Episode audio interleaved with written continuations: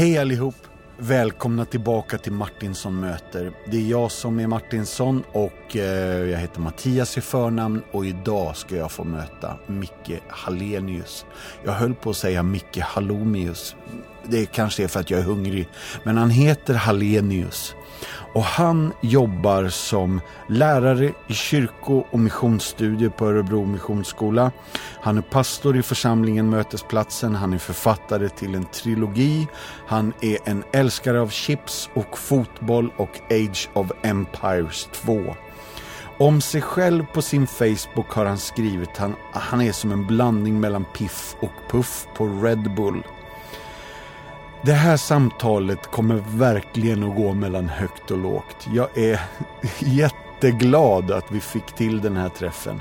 Och jag är glad att ni äntligen ska få lyssna. Martinsson möter är en podcast som är i sam... Mm. Martinsson nu bet jag mig i tungan. Martinsson möter är en podcast som sker i samarbete med Compassion. Och Compassion är en fadderbarnsorganisation som jag önskar att du kollar in. Jag tror att vi i Sverige behöver bli mer faddrar. På compassion.se hittar du mer information om det, men nu är det dags att släppa fram 80-tals poppens okrönte hjälte, DJn ifrån inte, vad heter det, fritidsgården. Nu kör vi, Micke Hallenius.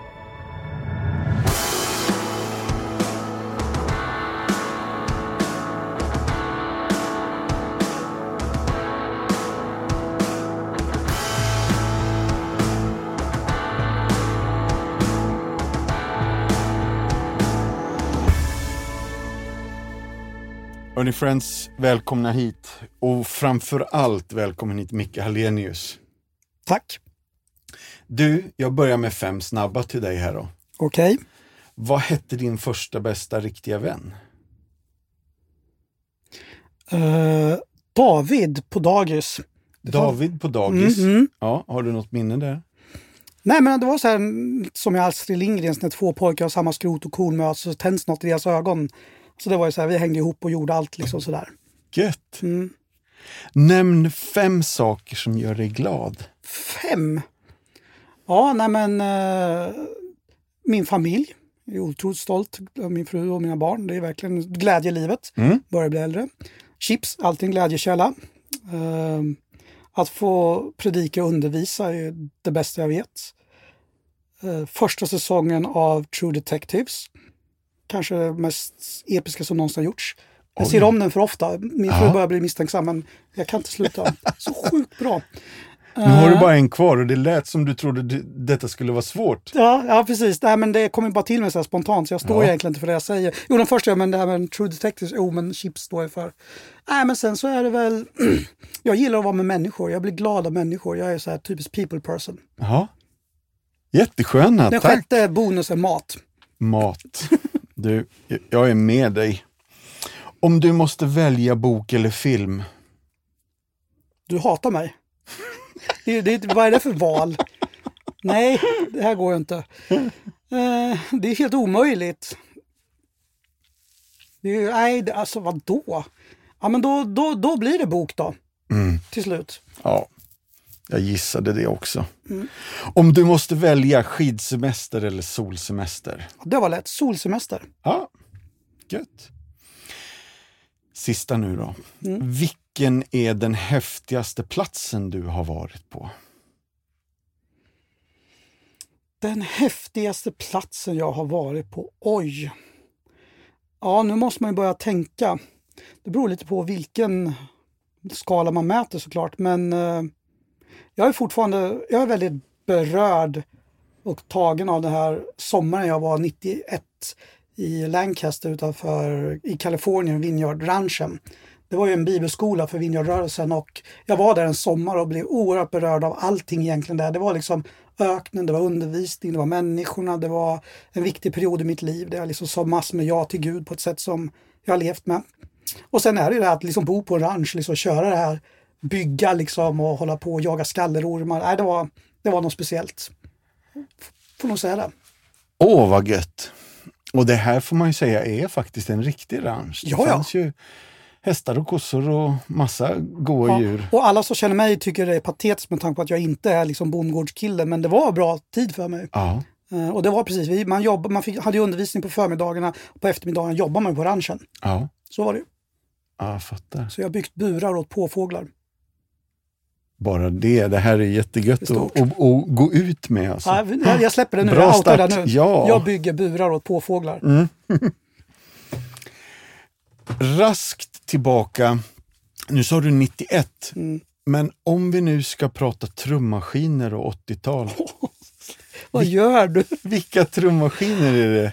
Ja, men det är ju TR 808. Ja, Den är, och jag, menar, jag, jag grät när jag såg out of, Straight Out of Compton. För då i början där, Dr Dre, han sitter ju med den där i sitt rum när han, kör, när han visar Ice Cube sitt nya track. Och bara liksom, alltså de ljuden är ju så, jag vet inte vad jag ska göra.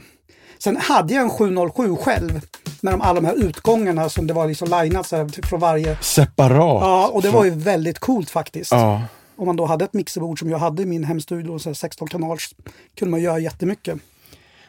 I din hemstudio. Mm. Vill droppar en grej till. vill vi höra mer om? Nej, det vet jag inte om du vill. det är 80-talet och jag hade Ja. ambitioner. Kanske inte hade all talang, men jag tyckte det var väldigt roligt att hålla på och pilla liksom, och greja med syntar och ljud. Och... Så jag byggde upp en sån där som jag, en del band spelade in lite demos och så. Jag höll ju på själv, vi hade band då. Ehm, så jag hade en del utrustning. Ja, Men det var ju så här 16 kanals mixerbord, en sån här 8 kanals Tascam bandspelare, så här massor med pedaler och moduler och här syntar och trummaskiner. underbart! Vad gött. För då kommer nästa fråga. Vilken 80-talspop är viktigast? Nej, det, jag, det jag står ju för det att det är syntdisco. Alltså, alltså, Ja. hela, hela den, alltså allt det med, dels för att jag var DJ på 80-talet själv. Eh, Men dels för att jag tycker fortfarande, och det är roligt nu, man märker många, många unga runt i 20-årsåldern, de går igång på 80-talsdisco igen. Alltså Ja. det finns en våg där. Och jag har Verkligen. Mm. hela tiden sagt told you so. Jag har inte släppt det. Så jag mår jättebra just nu. Eh, så. Men eh, det enda som är att aldrig lovsångssvängen har ju liksom aldrig låtit så. Det är lite synd tycker jag. Nej, jag fattar. Det är det enda jag kan tycka är lite trist. Det är kanske lika bra att vi droppar den här direkt här nu då. Vad har du emot country? Jag visste det skulle komma. Ja, Jag är en av de få som har hängt ut dig offentligt på en lovsångskonferens som den som förstörde lovsångskulturen på 90-talet i Sverige Ja. genom att ta in countrymusiken. När jag tyckte det lät som, för då, innan det var det YouTube, då lät det ju Joshua Tree. ja, ja. Och jag bara stod och bara tackade Jesus och sen kommer du och bara, det ska vara country.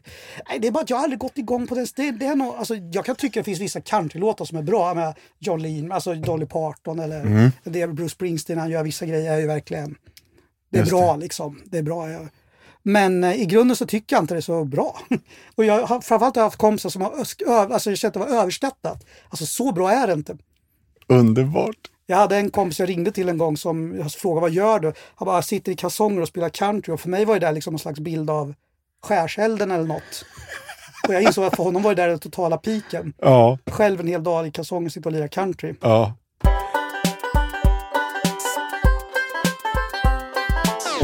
Det här är så bra Micke. Jag, jag responderar inte ens. Jag bara lyfter på hatten och gläds åt att du har sån glad inställning till 80-talspoppen i alla fall. Ja, ja, och diskon i synnerhet. Japp.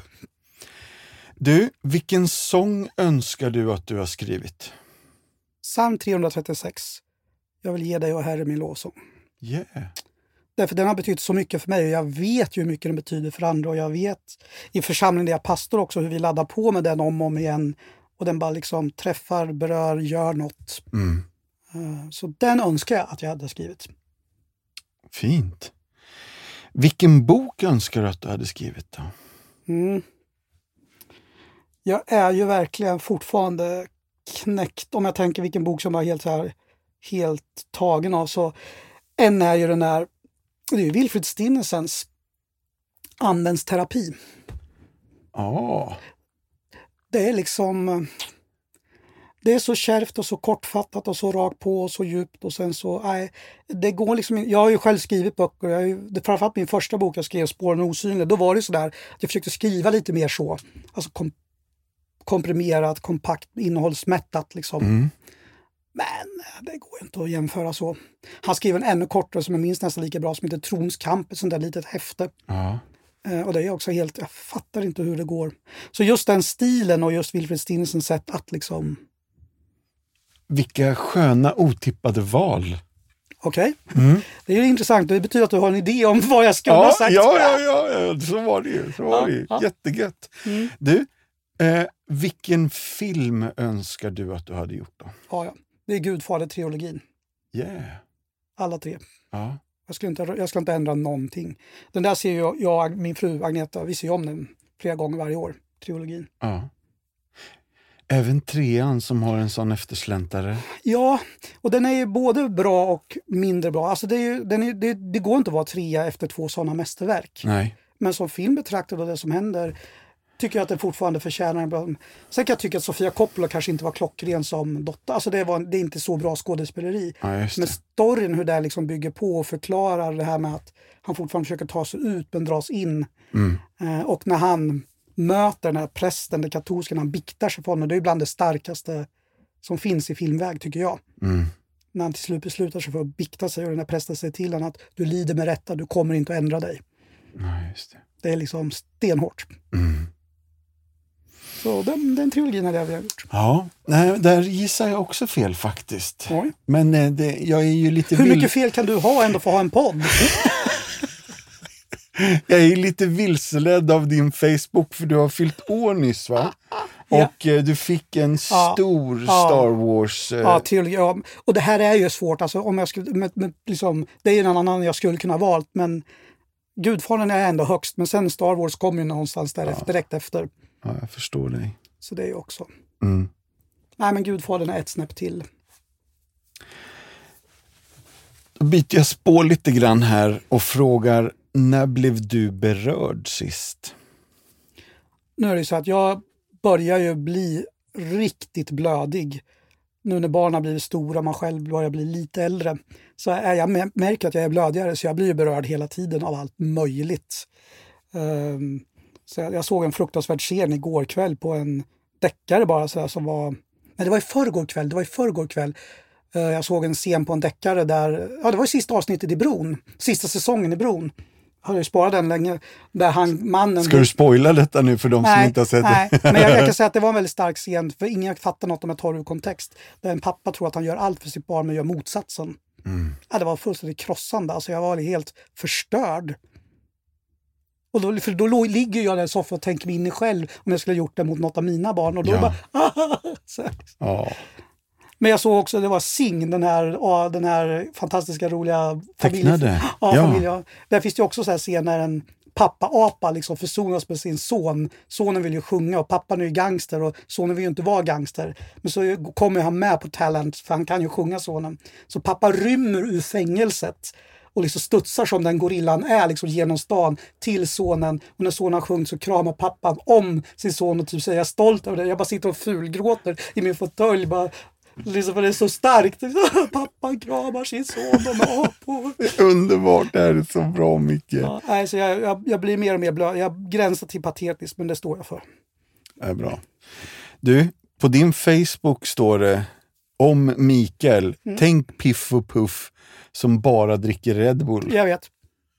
Detta måste ju du någon gång ha skrivit. Ja, ja. Ja, ja. Kommer du ihåg ditt favoritcitat också då? Livet känns som bäst de stunder man nästan skiter på sig. Nej, det står något annat här. Ja, just det. Det är också. Ja, men det är också. Jag har ju några stycken. Det där andra var ju mer liksom i linje med Piff och Puff. Men det andra är ju Krux provat om nia. Alltså att korset prövar allt. Just Alltså det. hjärtat i den kristna tron. Så det ena handlar om mig, det andra handlar om Kristus. Och så måste man hålla isär dem. Ja, man, ja jag förstår, jag förstår. Eh, vi, innan vi går in på lite djupare grejer så måste vi bara prata. Du tycker alltså inte det här var djupt? Jag, jag, jag ska ställa tre frågor. Eller jag bara säger tre ord Ja. och så får du förklara dem. Chips. Glädje. Ja. Fotboll. Också glädje. Det här är ju fegt, men det är Age of Empires 2. 90-tal sena nätter, online-spel innan det hade blivit stort som det är idag. Ja, gött. Micke, berätta lite vad det är du gör. Jag har en kombo i mitt liv som det ser ut nu och den bygger på att jag är både pastor i församlingen Mötesplatsen i Örebro tillsammans med min fru Agneta. Eh, sen jobbar jag på Akademi för ledarskap och teologi som lärare i kyrko eh, och missionsstudier. Utöver det så reser jag, predikar, undervisar, skriver och är mentor. Och det där är ju någon kombo som, tittar man på det liksom bara lite så utifrån så är det inte helt enkelt att få ihop. Men med eh, liksom, om man zoomar ut så är det också så att det är vissa saker jobbar man mer perioder, vissa grejer händer under vissa säsonger, sen gör jag mer andra sådär. Så det är, de två tjänsterna jag har både på skolan och i församlingen är ju så förtroende arbetstid. Mm. Så det är ju ändå så att jag gör det jag ska när jag gör det. Och sen mm. hur jag gör det, det är ju inte liksom så.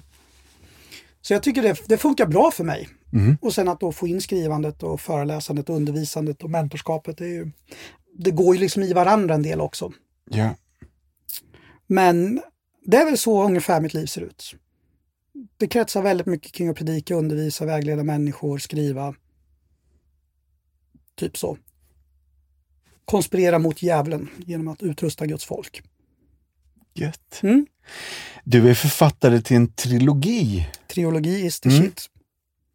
Bara berätta lite, ta oss igenom kortrubrikerna kanske och Ja, det kan jag göra. Eh, det är tre böcker som... Eh, den första heter Spår av den osynlige, kom 2016.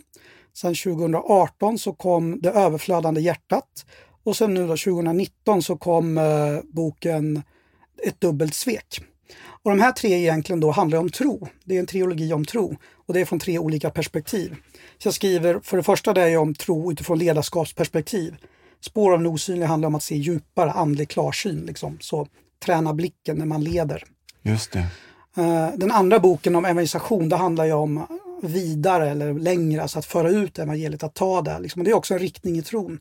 Om den första riktningen är djupare så är den andra riktningen längre eller vidare, bort. Liksom. Ta evangeliet till nya platser, nya människor. Så den handlar om evangelisation, den andra boken. Och den tredje boken då, den handlar ju egentligen, det är ett själavårdsperspektiv som handlar om när tron kommer nära. Alltså man både nära Gud men också nära sig själv. Eh, och den tredje boken då, den är den mest personliga där jag berättar om eh, det här dubbla sveket att jag är uppväxt som adoptivbarn där min eh, ja, adoptivmamma övergav mig som femåring och aldrig mer fanns i mitt liv egentligen. Och då att dela också med det här att man är adopterad och har jag varit med om två svek. Just det. Så jag skriver, den sista boken är mest själavårdande. Så jag brukar säga att när jag skrev den, alltså när jag skriver mest om mig själv, så måste jag skriva minst som mig själv. Alltså stilen och sättet att skriva är ju liksom väldigt sådär, det är nästan skönlitterärt. Mm. Det var, jag var tvungen att göra så för att få liksom en viss distans också så att det funkar. Just det. Medan de andra två är lite mer rakt på på olika sätt och en, liksom, inte lika skönlitterära. De är lite mer kärva som stinnisen. Ja, mm, ja framförallt den första. Mm. Definitivt. Mm. Jag med. 1971 föddes du. Ja. Datum? 28 juni. Det var så va? Ja, ja, ja. Men då fattar inte jag riktigt den här Star Wars, eh, för den fick du ju i våras här. Eh. Mm. Men det är för tidig 50-årspresent. Ja. Så det är inte för, så det är för tidigt. Så jag håller på att casha in ett helt år nu för tidiga grejer innan jag fyller 50. Ah, men du, underbart. Du, eh, jag måste, du föddes 71. Men vad hände 1987? Då blev jag kristen. Eh, jag är uppväxt i Örebro och har bott där hela mitt liv. Då, så jag kom julen 72 till Sverige och haft en bra uppväxt på många sätt. Minus det här då med mamma, men annars en trygg med min pappa och min farmor. Och, ja, haft många goda liksom, förutsättningar så. Men när jag hade kommit tonåren så kom ju de här typiska existentiella frågorna också. Så det var ju en eh, väckelsekampanj i stan där jag bodde då som Hopp om livet hette den ju, där jag blev meddragen av kompisar. Mm.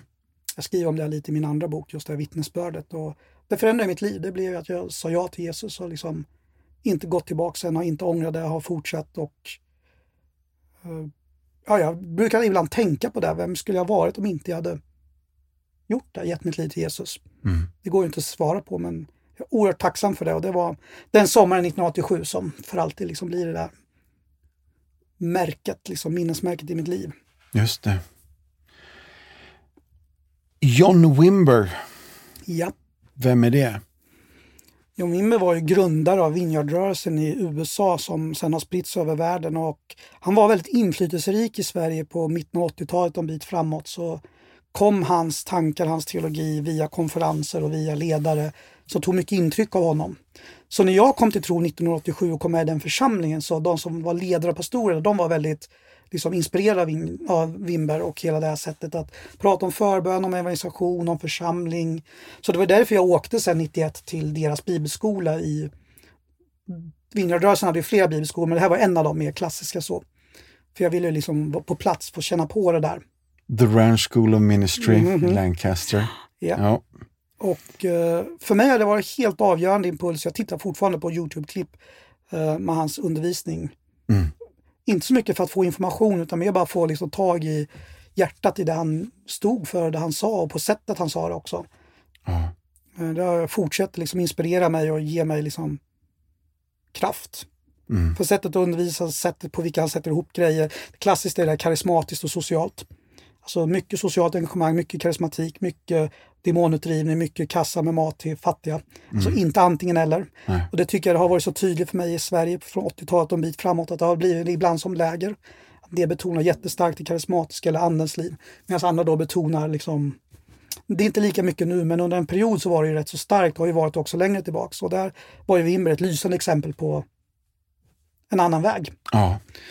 Också när det gäller ministry, alltså hur man ber för sjuka, hur man vandrar i andens kraft, så fanns det här vardagliga, liksom vardagsrummet, det här ödmjuka. Som jag också har tagit till mig oerhört mycket för en del sån typ av förbön och se dels sån typ av karismatisk uttryck har ju fått alldeles för mycket show liksom över sig och verkligen blivit något konstigt, liksom spektakulärt. Och där var ju Vineyardrarelsen hela tiden väldigt noga med att så gör vi inte. ja, just det. Eh, Så man stod, jag har ju stått liksom och profeterat över människor och käkat knäckebrödsmacka och haft en hand i byxfickan. Ja. Folk har fallit under andens kraft. Då tar vi Det- en nog liten paus det är arvet i samtalet Ja. med Micke. Jag. Jag vill berätta lite om Compassion nu. Det är en fadderbarnsorganisation som har funnits i 70 år. I Sverige har den funnits sedan 2012, 13 någonting, men i världen har den funnits i 70 år. Det är världens tredje största fadderbarnsorganisation. Och jag tänker lite så här. När man blir fadder så hjälper man ett fadderbarn. Men man hjälper inte bara det barnet, utan man hjälper det barnets syskon, föräldrar, alltså familj. Eh, man hjälper det barnets by och man hjälper samhället i stort. Och det här tänker jag förändrar lokalt långsiktigt men också slutligen hjälper det här globalt. Jag tycker att det här är tunga argument för varför du ska bli en fadder. Eller varför du ska söka om att få bli fadderförälder eller vad vi nu kallar det här. Jag skulle vilja önska dig att du fick vara med på den här resan. För 310 kronor i månaden kan du bli fadder och förändra och förvandla inte bara ett barns liv utan successivt så är vi alla med och förändrar världen. Gå in på compassion.se och kolla in det här med fadderskap. Nu vänner, ger vi oss tillbaka till samtalet med Micke Hallomius igen då. Du, jag måste droppa ett annat namn här och jag gissar att du vet vem det är. Hans Johansson. Ja. Hans Johansson var ju min andliga far och han var ju pastor i Philadelphia kyrkan i Örebro där jag kom till tro. Så han väldigt tidigt tog han sig an mig och sen följdes vi åt genom livet tills han dog då. Eh, och blev ju verkligen den här, ja, en andlig far som har präglat mig mer än någon annan egentligen kristen så. Ja, Så var det ju. Med år av samtal, år av relation, år av brottningskamp och sättet han predikade och undervisade på, sättet han tog sig an mig, sättet jag såg att han också betydde mycket för andra ledare. Var ju liksom eh, också om man, Wimber är en sån inspirationskälla så är Hans en annan. jag minns när han dog, då sa jag, jag sa till Gud att låt mig få göra något, alltså, det Hans har varit för mig, det vill jag vara för andra. Liksom. Det var en så här, 2008 Ja. jag var nämligen på en konferens när jag fick veta det här och då vet jag, jag sa till Gud att jag, det, det Hans har varit, betytt för mig, det vill jag betyda för andra. Ja. Det var ett heligt löfte som jag gav på något vis. Mm. Och det är lite intressant när jag tittar tillbaks nu hur mycket jag ändå är mentor för många idag. Mm. Det är ju den där grejen. Japp. Så man ska vara noga när man ger löften. Det Ja. kan vara så att Gud håller dem mot en. ja, jag är med dig. Jag har varit viktiga skogspromenader med Hans Johansson alltså. Mm. Jag går ju med mina adepter i skogen, jag inser det ibland också. Japp. Och då är inte jag någon skogskille alls. Nej. Försöker undvika naturen sådär, men det, det är bra när man gör sånt där. Ja, bra. Du, Malmö, Borlänge, Örebro. Ja, Var det resan här sen? Ja, alltså från 93, när jag, jag och Agneta gifte oss 92, sen så flyttade vi till Malmö och där gjorde vi en församlingsplantering i Malmö Vineyard. Sen flyttade vi till Borlänge efter det. Vi var i Malmö i fem år, sen flyttade vi till Borlänge och var i Borlänge åtta år och gjorde en församlingsplantering till. Parallellt med det så pluggade jag och reste och predikade. Ehm, och sen 2006 flyttade vi till Örebro för att bli kallade till mötesplatsen, båda två som pastorer. Mm. Det var väldigt roligt för att då vill man också, jag hade lite kvar på mina forskarstudier också, men de ville anställa Agneta först och hon fick den här plattformen och möjligheten att gå in i tjänst på det sättet. Mm. Det var fantastiska år. Och så jag dröm att vi verkligen också, sen 2009 då har vi jobbat båda två i församlingen tillsammans. Så det, det drömde vi om i 18 år innan det hände. Det Just brukar jag också berätta ibland för dem jag är mentor för. Mm. Alltså bli inte sur på Gud om inte något händer på ett eller två år. Det är dumt att bli ateist då, utan det gäller att hålla i lite också. Gött. Mm. Du, vi har varit och snuddat vid det som hände med din tredje bok och då är det inte så att de första två inte blev uppmärksammade, för det blev de verkligen. Ja. De sålde slut. Eh, men det hände någonting med den tredje boken. Mm. Eh, jag uppfattar det som, från mitt håll, Mm. att den klev utanför kyrkan. Ja. Var det för att du berättade din berättelse så oskyddat? Ja, det är svårt att recensera sin egen liksom så, men alltså jag tror att det är två grejer. Det ena är att vår tid just nu, alltså starka personliga berättelser säljer ju. Det får man ändå säga. Om man tittar, alltså det är det som folk vill ha. Det finns ju någonting väldigt liksom så här. Eh, sen tror jag att sättet jag har skrivit på också gör det, och det tänkte jag när jag skrev, att man ska, vem som helst ska kunna läsa, alltså det här skönlitterära, att liksom är, det finns undervisningsavsnitt men den är ändå skriven på ett sånt sätt så att jag, tar med läsaren i någon slags större berättelse som pågår Ja. som bibehåller intresset och skrivet så du behöver inte ha någon förförståelse för kyrka eller någonting. Så du är liksom med ändå så att säga. Eh, Det tror jag har spelat roll. Mm. Eh, Och också då just när det gäller spridningen att folk har velat skriva om den eller ja, ta upp den och göra intervjuer och sånt där kring den. Den är För- lätt att ta till sig. Ja, för detta har ju blivit, eh, eh, alltså du har ju varit i flera artiklar eh, i tidningar även Ja. utanför kyrkan. Ja, och sagt nej till några också. Ah, För det är också den där balansgången, man kan inte säga ja till allt. nej, Då blir det som tonårsdisco, att man faller för allt som faller för en. Och det, det brukar ofta vara tecken på att man inte har integritet. yes. Så jag har sagt nej till några också. Men ja, jag har sagt ja till några. Och det har ju också visat sig då att folk hör av sig och liksom känner igen sig eller blir berörda. Och, Mm. så jag är ju tacksam för det. Ja. Oerhört tacksam. Det är vi också, för när du öppnar upp och berättar din berättelse så legitimerar, ger det eh, utrymme för andras berättelser att också komma fram. Mm. Jag tror att det är en av nyckel, nyckelgrejerna på något sätt, att, att man lyfter på locket och då är det inte så farligt. Då, då spökena försvinner och folk kan prata om, Mm. om sina känslor. eller- Ja. Du, eh, jag tror att det var Malin Aronsson som gjorde intervju med dig i Nya Dagen. ja, det stämmer bra. Så här skrev hon. 42 år gammal tvingas Mikael Hallenius rensa ur dödsbot efter den mamman som övergav honom när han var fem år. Mm. Förgäves letar han efter spår av sig själv, men nästan ingenting vittnar om att han ens har funnits. Idag berättar han om sitt livs största sår, men också om hur tron lett honom bort från hatet. Ja. Det är bra. Det är vackert och jag, jag är verkligen tacksam för både Malin och Sofia Funner då, som gjorde om den andra i Aftonbladet, har, gjorde det fantastiskt. De har liksom gjort det så rättvisa på ett inkännande och liksom pregnant sätt som gör att det verkligen lyft. Mm. Båda är verkligen värd all respekt så som skribenter. Men du är född i Colombia. Ja. Mm. Vet du någonting, vad, vad hände där? Ja, Jag vet en del. Alltså jag blev ju lämnad vid ett barnsjukhus Ja. i en korg med en lapp där det stod Bolivio. Det var antagligen då mitt namn. Och det tror de betyder antingen att min far var från Bolivia, för det är rätt vanligt att man liksom Ja. härleder så. Eller också att det var liksom någon som fick mig som var från Bolivia. Mamman alltså. Just det. Det vet man inte riktigt, men Bolivio var det. Men sen så ändrades namnet av barnsjukhuset, personalen där, för de sa att om man, för det var ju så här, det var ju vanligt med adoption. Att det namnet funkar ju inte om det blir Europa eller så, utan då blir det Miguel.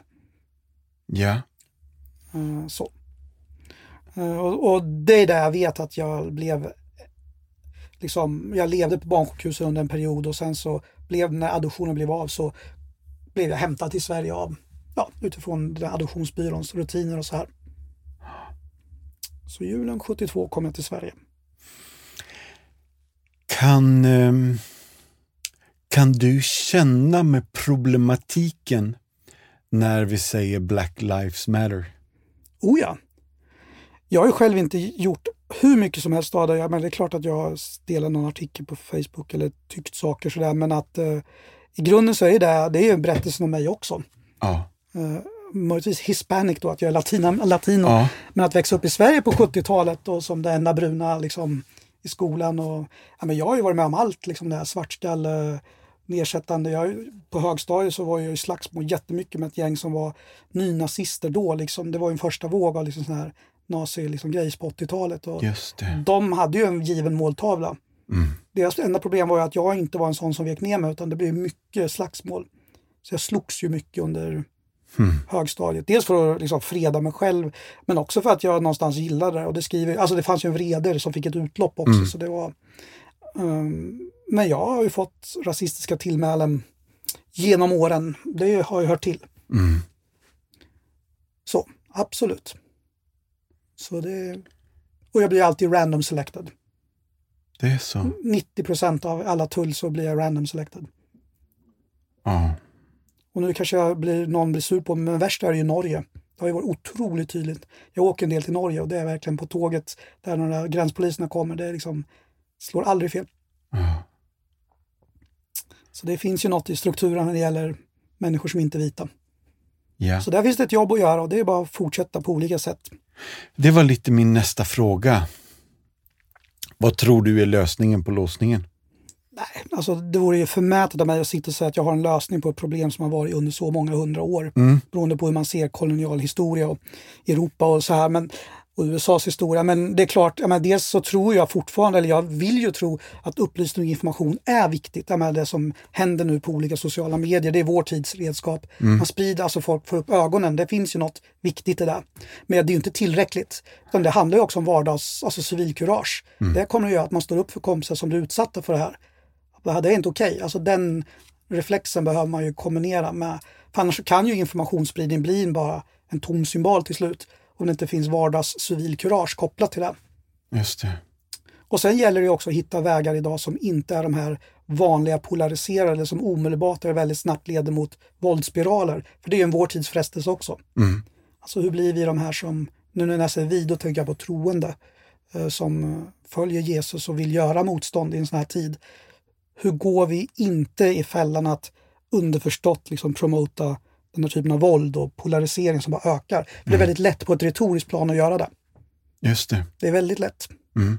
Att de vita blir skurkarna. Eller, det, det, det jobbiga är att det är många vita som tar den kampen och därför måste man ju bekämpa sig själv lite.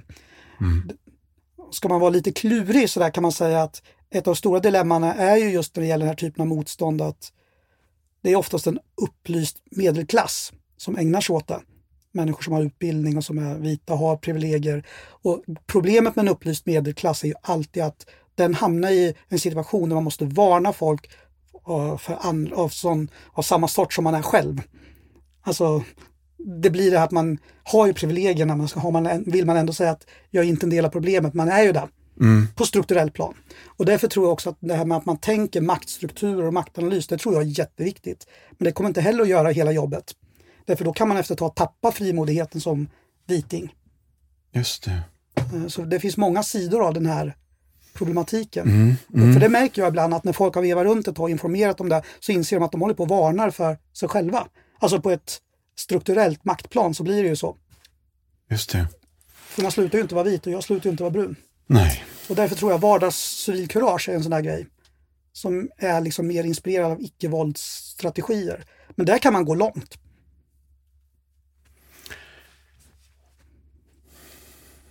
Och där tror jag naturligtvis att den kristna tron är en given resurs. Alltså det är att följa Jesus i en tid som den här. Måste väl innebära att man tar den striden. Ja, ja, jag tänker på något sätt Babels torn var någon försplittring av alla språk. eh, andens utgjutande är ett samlande av alla folk. Mm. Eh, så ja, jag tänker att eh, som kristna så tror jag att vi har en möjlighet i den heliga Andes kraft att samla människor till en sann och sund och genuin enhet. Ja, ja. Amen. Och det är ju kyrkohistoria, det vet vi ju. Alltså andens utgjutelse, Susa Street och allt det här med Seymour och de svarta i USA. Alltså det finns ju någonting väldigt starkt profetiskt där. Så det bästa som kan komma ur det här är en djupare längtan efter den heliga ande och en större passion för rättvisa. Ja. Så, och att de får gifta sig, apropå arvet från Ja, bra. att, att de får gifta bra. sig igen. För ibland så ser jag just aktivism, även i kyrkliga varianter, blir det att det ändå blir väldigt mycket enbart maktanalys och vi ska göra det. Och där finns en slagsida också. Alltså när törsten efter anden tappas eller fascinationen av Kristus eller vi, alltså nåden gäller också mig. Det är lika viktigt. Bra.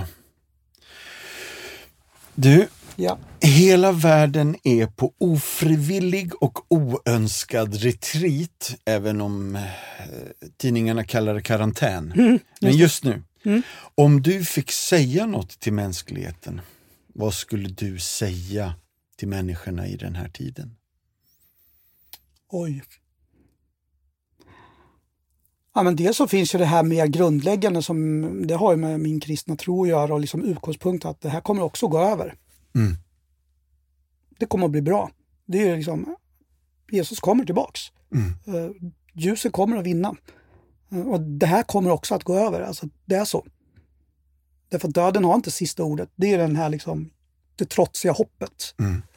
Och det andra jag skulle säga, och det hör väl ihop, det är samtidigt en tid för besinning. Man kan ju använda olika språk och man kanske har, om man inte är i en kristen miljö eller om man inte har läst språkbruket så är det ju fortfarande så här, men vad är viktigt för oss?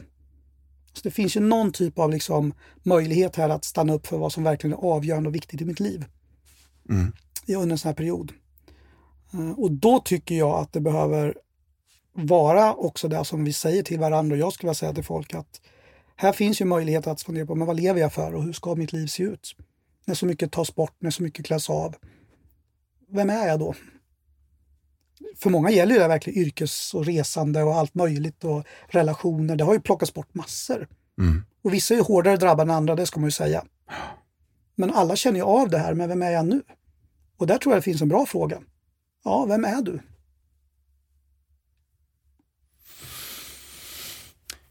Om, eh, om 10-15 år, vad gör du då? Oj.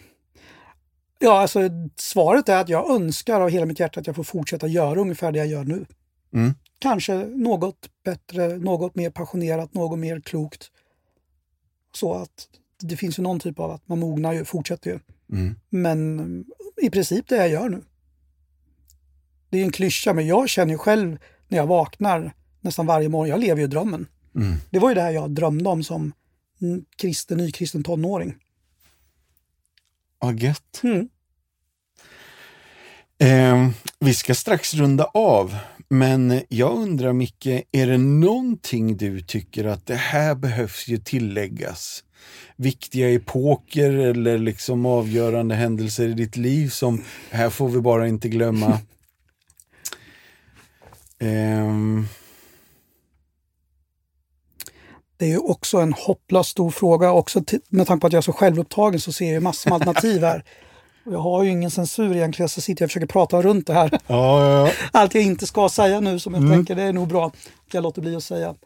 Eh, Men eh, det är klart, om man skulle säga någonting som jag tycker, eh, som kanske vi inte har pratat så mycket om men som är självklart, det handlar ju om det finns ju någonting när det gäller det här med att hitta sin väg och att vara sann mot sig själv och mot det sammanhang man finns i. Alltså jag tänker mycket på församling och människor, unga vuxna idag. För det har jag, som pastor i den församling jag befinner mig i, så är det något som präglar. Och jag tror att en av de stora utmaningarna fortfarande gäller att hitta sin väg och liksom hitta liksom varandra. Här. Det är ju vår tids individualism. Man skulle kunna säga mycket om det, men det jag skulle vilja säga är att det finns en sån otroligt stark betoning så vi nästan inte själva fattar det. Eh, Man brukar se nu lite på tv och man tar ju upp det lite mer, att att den svenska mentaliteten här uppe i Norden. Alltså, men vi fattar inte hur djupt det går. Att jag tänker på riktigt i botten att jag bestämmer själv. Mina val avgör hela mitt liv. Mm. Och Jesus säger, ni har inte utvalt mig, jag har utvalt er. Mm. Alltså på riktigt vad det betyder att liksom landa i det när det gäller moralfrågor, när det gäller livsstil, när det gäller vår ekonomi. Alltså alla de här grejerna. Alltså vad innebär det att Jesus har kallat mig? Det är inte jag som har valt Jesus och därför finns han, utan Jesus har kallat mig. Mm. Uh, där känner jag det är en sån här, men lärjungaskap sa vi ju för. Vad är det att vara lärjunge? Just det. Det jag märker att folk är inte lika intresserade längre. Man är intresserad av enskilda frågor, man är intresserad av vissa åsiktspaket, man är intresserad av viss typ av församlingar. För det är vår tids smörgåsbord. Och det där kretsar kring jaget som en slags konsument Mm. som tillfredsställer det sina egna preferenser och behov. Men lärjungaskap, det är ju att börja i det att han har kallat mig. Så jag har sagt mitt ja. Och det kommer att leda mig in i ett andligt husbygge. Jag blir levande sten. Någon kommer spänna ett bälte om mig och föra mig dit jag inte vill när jag blir äldre. Det finns massor med grejer i det där. Ta sitt kors. Och det önskar jag att vi skulle få upptäcka tillsammans med er som är troende vad det innebär i vår tid att vara lärjunge. För det är han som har kallat oss. Det är inte vi som har valt Jesus och så finns han. Så där tänker jag, det är en, något jag själv lever mycket med också, just när det gäller också mycket unga vuxna. Där driven finns. Och jag är så imponerad av engagemanget i vår församling och i de andra församlingar. Man ser en ung generation reser sig med en vilja att göra så mycket och den välkomnar jag själv väldigt glad över som pastor. Och samtidigt ser jag brottningskampen med just det här, det här starka individualistiska dragen. Och hur det där ska se ut och vad det ska innebära, det vet jag inte själv. Men jag tänker att det är några saker vi har framför oss. En spännande spaning om inte annat. Mm. Väldigt viktig. Jag är, jag är med dig. Och det är inte sådär en generation mot en annan, det är inte så enkelt utan det här är något som har präglat Sverige från långt tillbaka, alltså från 40-50-talet och framåt har ju individualismen verkligen impregnerat folklagren och mentaliteten. Så det är ingen enkel fråga. Nej. Men det finns en enkel kallelse, följ mig. Ja. Du, vi byter spår här då, avslutningsvis. På 80-talet så hade du syntband i, i, i källaren låter det som. Men Ja. Jag Kan- proddade syntband framförallt. ja. Ja. Ja, ja, Kan det vara så att du spelade kastanjetter 92? Det här känns som en riktigt farlig fråga. Har jag spelat? Kan det vara så att låten var Du är lika tunn som ett kaffefilter? Nej men, oh, men snälla du, vem, nu vet du. Nu har ju du antingen pratat med Micke Jefs Jonsson eller Daniel Röjås. Kan det vara så? Det kan vara så, det här är ju gubb är, det bakhåll.